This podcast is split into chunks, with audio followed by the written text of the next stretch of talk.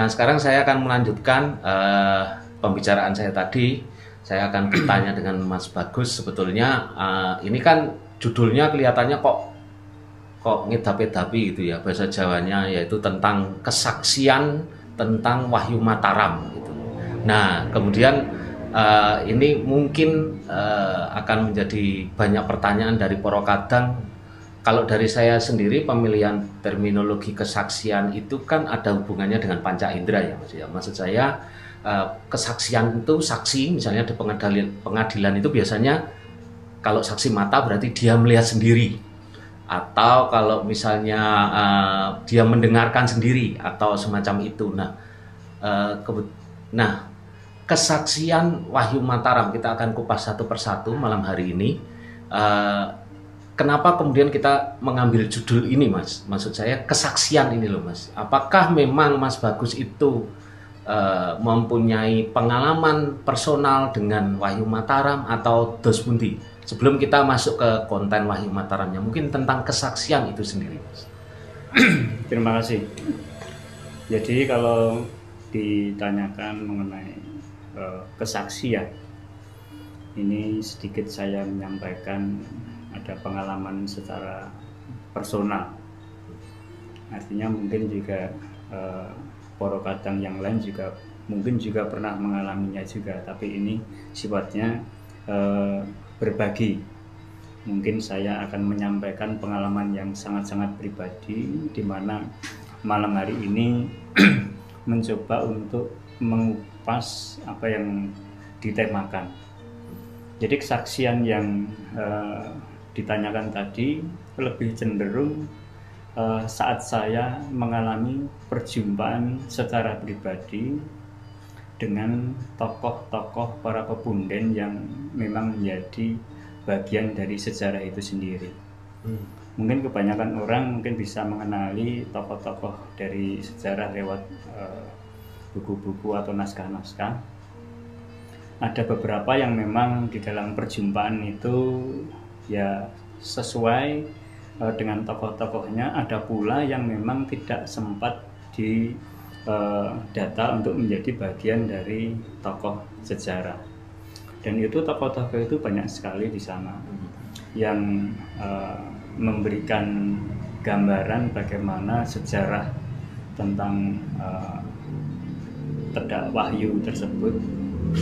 Namun di sini saya ingin menyampaikan bahwa yang saya sampaikan ini lepas dari referensi, lepas dari uh, keterikatan dengan eh, buku-buku, uh, murni apa yang pernah saya alami di dalam proses lintas batas. Sehingga apa yang nanti saya sampaikan ini mungkin bisa menambah wawasan, bisa memperteguh apa yang sudah kadang uh, dengar atau baca lewat media-media yang lain. Jadi saya ulang lagi, ini kesaksian ini adalah perjumpaan secara pribadi. Hmm. Jadi bertemu secara langsung, mendengarkan uh, beliau itu memberikan wedaran-wedaran, memberikan berbagai pesan-pesan terhadap apa yang harus dijaga di dalam uh, perjalanan bangsa Jawa ini. Gitu Mas. J. Jadi berarti uh, mungkin bisa didefinisikan lebih uh, uh, sederhana bahwa ketika panjenengan ngetiko Mas Bagus ngetiko tentang lintas batas, berarti maksudnya adalah panjenengan bisa flashback dan mungkin hadir di masa itu ya atau Dasmundi. Iya. Jadi malam hari ini uh, ingin mengungkapkan uh, pengalaman pada saat flashback di masa lalu berjumpa apa-apa saja yang dingendikake apa saja yang disampaikan kepada saya mengenai apa yang akan terjadi kelak kemudian hari mengenai apa yang dipesankan tersebut. Nah ini mencoba untuk flashback kaitannya dengan mungkin uh, perbincangan-perbincangan di masyarakat selama ini yang mungkin uh, ya sedikit banyak mentemakan tentang uh, adanya uh, para pepundhen, sejarah masa lalu, keterkaitannya dengan kejadian-kejadian yang mungkin akan terjadi di tanah Jawa ataupun yang lainnya. Ya, oke. Okay. Nah, jadi uh, uh, tadi Mas Bagus sudah menjelaskan bahwa ini adalah proses lintas batas. Jadi apa yang akan dijelaskan oleh Mas Bagus ini adalah apa yang beliau lihat dan mungkin ada uh, mungkin ada komunikasi begitu ya dengan para pepunden tentang apa yang akan kita bahas malam hari ini yaitu tentang Wahyu Mataram. Nah, baik kalau uh, tadi kita sudah dengan terminologi kesaksian kita sudah kupas. Nah, sekarang kita akan masuk ke Wahyu Mataramnya. Nah, kita uh, di kata Wahyu ini dulu, Mas. Jadi sebetulnya uh, kalau dari pemahaman saya, saya kan kadang juga mendalang. Jadi saya selain sebagai filmmaker, saya juga mendalang. Uh, saya pernah ngelakoke Wahyu Cakraningrat mas saat mendalang. Nah kalau di dalam tokoh pewayangan, di dalam dunia pewayangan, uh, Wahyu Cakraningrat ini kemudian diwujudkan dalam bentuk wayang gitu. Nah tapi sebetulnya kata Wahyu itu sendiri uh, dari hasil uh, apa ya istilahnya komunikasi lintas batas itu sendiri sebetulnya definisinya apa sih mas gitu wahyu itu dan apakah wahyu itu selalu identik dengan pemimpin ataukah seperti apa mas? Monggo ya jadi uh, kalau ditanyakan mengenai wahyu selama pengalaman lintas batas memang tidak pernah ada para pepunden itu yang menjelaskan wahyu itu apa. Tetapi hasil dari pengalaman saja ini hanya menyi saya menyimpulkan secara pribadi dari sekian banyak yang pernah beliau-beliau ceritakan itu ini mengerucut sampai pada kesimpulan bahwa uh, wahyu itu adalah sebuah cara komunikasi Gusti. Nah kepada umat manusia yang dilakukan dengan cara dan kuasanya sendiri. Dan kita tidak bisa menebak-nebak apakah wahyu itu selalu berbentuk ini dan itu tidak bisa. Hmm. dan kedatangan atau pemberian wahyu tersebut ini juga bukan kuasa kita sebagai manusia. Hmm. nah, kelihatannya Gusti itu sudah mempunyai pilihan sendiri sudah punya pertimbangan sendiri terhadap siapa yang ingin diberikan wahyu tersebut hmm. supaya wahyu tersebut itu bisa dijaga dan dijalankan oleh umat manusia tersebut. Jadi saya ulangi kalau kalau pemahaman saya karena e, di dalam e, perjumpaan itu juga tidak ada nanu yang menjelaskan hal tersebut. Jadi saat seseorang para pebundan yang dulu yang pernah saya e, jumpai ini ya banyak mengalami sebuah peristiwa di mana dia itu ada yang kehadiran tokoh masa lalu di mana tokoh ini juga menjadi pepundan uh, pepundannya di alamnya sana memberikan uh, wejangan-wejangan memberikan pesan-pesan di mana pesan-pesan itu harus dijalankan uh, dan pesan itu menjadi uh, amanat bagi pepundan tersebut ada yang lewat perjumpaan secara langsung ada yang memang bisa uh, wahyu itu dalam proses peristiwa mimpi. Hmm. Nah, mimpi itu juga macam-macam nanti yang uh, apa bisa dijelaskan karena bentuk dan uh, variasi dari wahyu tersebut itu juga uh, banyak. Banyak. Termasuk juga saat kita saat para leluhur dulu, para pebundan dulu itu di dalam kesehariannya itu mengalami sebuah peristiwa di mana peristiwa itu sesungguhnya adalah firman. Hmm. Nah, di sini saya menyimpulkan bahwa wahyu itu ya mungkin tidak jauh dari inspirasi. Oke. Okay. Tidak jauh dari tiba-tiba merasa ada pemikiran, merasa ada kerentek untuk melakukan sesuatu. Seperti ada dorongan yang muncul secara tiba-tiba saja. Nah, ini kan e, bisa dikatakan wahyu yang seperti itu entah bentuknya seperti apa tetapi ini sungguh-sungguh e, terjadi dan banyak sekali para pebundan juga mengalami hal yang e, sedemikian itu. Iya. Ya. Tapi apakah kemudian wahyu itu selalu identik dengan kepemimpinan, Mas? Ya, kalau wahyu diidentikan dengan kepemimpinan tidak juga. Oh. Karena bagi pengalaman saya menjumpai para tokoh-tokoh seperti itu, justru kebanyakan mereka itu menyimpulkan banyak firman-firman, banyak petunjuk-petunjuk baik itu mah justru datangnya dari para abdi, Hmm. kaulo.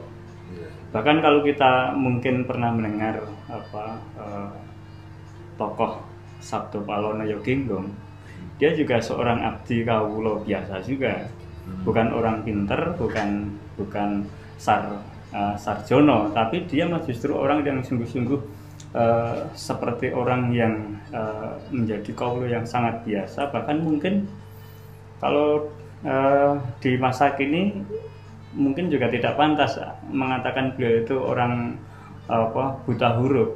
Hmm. Nah, tapi justru orang-orang yang mungkin tidak banyak mempunyai pemikiran-pemikiran yang pikirannya tidak tajam, itulah yang justru banyak bisa menyerap banyak menerima sebuah sinyal-sinyal yang disebut wahyu tersebut. Hmm. Karena pada saat kita itu eh, pemikiran kita terlalu tajam, kadang hal-hal seperti itu mungkin malah tidak kepikiran.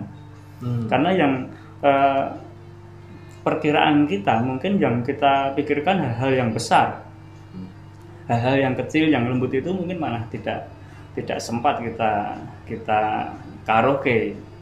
Tapi bagi orang-orang yang mungkin jauh dari pikiran-pikiran muluk-muluk, dari pikiran-pikiran yang untuk memegahkan diri, hal lembut, simbol-simbol alam itu pun bisa menjadi petunjuk bagi mereka dan petunjuk itu tentu saja mengenai tentang kehidupan-kehidupan yang baik. Nah, inilah firman itu bisa bisa muncul dari hal seperti itu. Jadi berbeda dengan ungkapan eh, orang kebanyakan mungkin barangkali membayangkan yang namanya wahyu itu seperti sinar yang jatuh dari langit eh, ke tempat eh, tertentu lalu di situ turun lahirnya sebuah eh, pemimpin seorang pemimpin. Nah ini ternyata tidak seperti itu. Bahkan nanti yang ingin saya sampaikan mengenai wahyu ini pun juga mungkin barangkali tidak terduga. Hmm. Nah, jadi sangat-sangat eh, apa eh, manusiawi sekali, tidak berlebihan sekali dan tidak eh, muluk-muluk dalam menggambarkan wahyu tersebut. Nah baik, sekarang kita lanjut ke hal yang berikutnya Mas Bagus Yaitu tentang Mataram. Kalau tadi kesaksian, wahyu, kita berangkat dari kata-kata itu Kemudian sekarang kita masuk ke kata Mataram Nah, dalam bayangan saya sebagai orang awam Saya itu hanya membayangkan Mataram itu adalah sebuah wilayah Dalam hal ini wilayah administratif kerajaan Eh, yang saya pelajari ada Mataram kuno, ada Mataram Islam dan semacamnya. Nah, kemudian eh, sebetulnya kalau kemudian mungkin mulai bisa dikaitkan dengan wahyu itu, sebetulnya arti kata dari Mataram sendiri itu apa, Mas? Dan kemudian eh, kenapa kemudian ada terminologi atau satu frase yang menyebut dengan wahyu Mataram? Mungkin eh, Mas Bagus bisa menjelaskan kenapa kok Mataram ini bisa non sewu apakah saya tepat dengan kata diwahyukan atau begitu? Dan itu apa mas? Monggo. Ya, ini penjelasannya tidak bisa pendek karena ada beberapa periode ya di mana kita harus memahami sejarah bagaimana istilah Mataram ini eh, sudah membumi di dalam kehidupan kita terutama di Jawa. Jadi Mataram sendiri itu dibagi beberapa periode. Artinya untuk memahami saja Mataram itu sudah sudah eh, fasenya berbeda-beda. Tapi saat kita itu melihat eh, sejarah kita yang di sana itu ada tahapan, ada fase. Ini ada, ada Jawa kuno, ada eh, Mataram Islam, ada yang lain-lain. Nah, ini nanti akan akan apa menggambarkan bagaimana ungkapan pemahaman masa lalu tersebut. Jauh sebelum eh, peradaban Jawa kuno, itu kalau Mataram itu dipahami lewat bahasa maaf saya menyebutkan bahasa goib ya karena memang hmm. kita tidak bisa lepas kalau kita membahas wahyu apalagi kita sebagai orang Jawa asal muasalnya juga dari sana juga hmm. jadi Mataram ini kan sebenarnya itu kan berasal dari ukoro motoro ya dan di dalam bahasa goib seperti itu yaitu hanya menggambarkan bahwa Mataram itu sesungguhnya adalah sebuah bentuk lubang di mana kalau kita membayangkan bentuk lubang itu ya ini diibaratkan saja. Itu seperti mata air tok lah.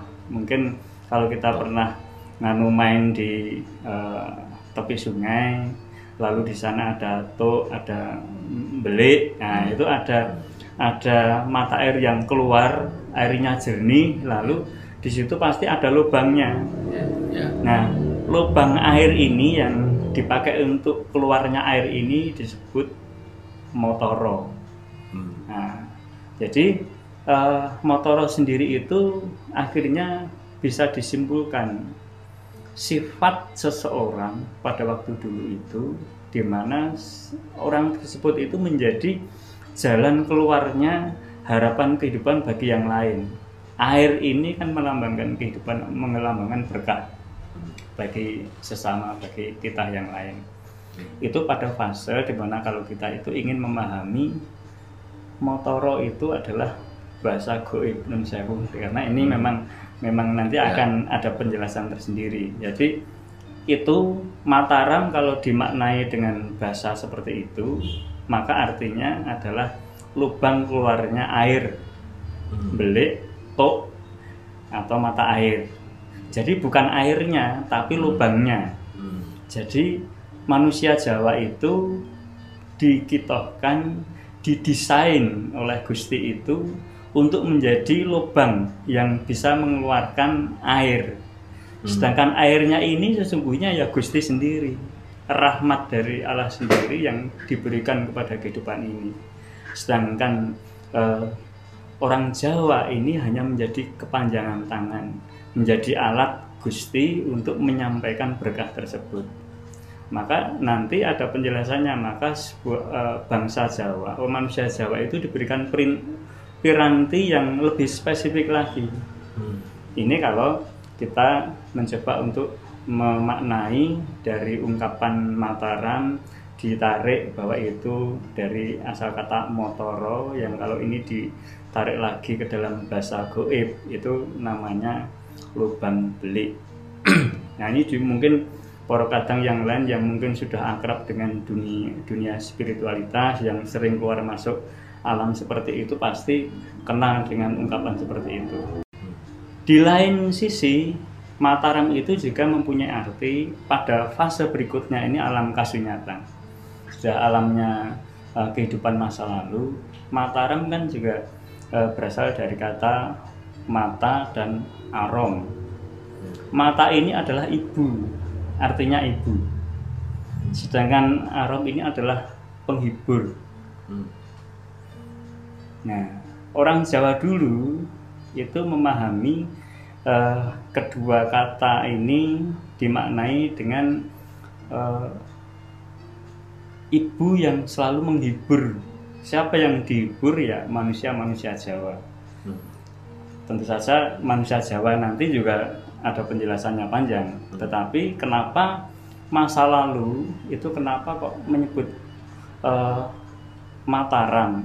Mata aram ini karena zaman dahulu sebelum datangnya agama-agama masuk ke bangsa Jawa bangsa Jawa primitif itu lebih mengenali ibu daripada bapak. Nah, kalau para kateng pernah mendengar atau perso di dalam-dalam uh, uh, kita itu sering ada ada kita mengenal Dewi Sri. Ya, ya. Jadi jadi ada sosok ibu itu lebih membumi bagi Ya. bangsa Jawa zaman dahulu. Nah, kalau ada apa-apa ya sambatnya sama Biyung. Bukan aduh, Bopo. aduh biung gitu kan. Ya. Ya. Nah, ini karena apa? Karena terminologi dari kata Mataram itu adalah ibu pertiwi.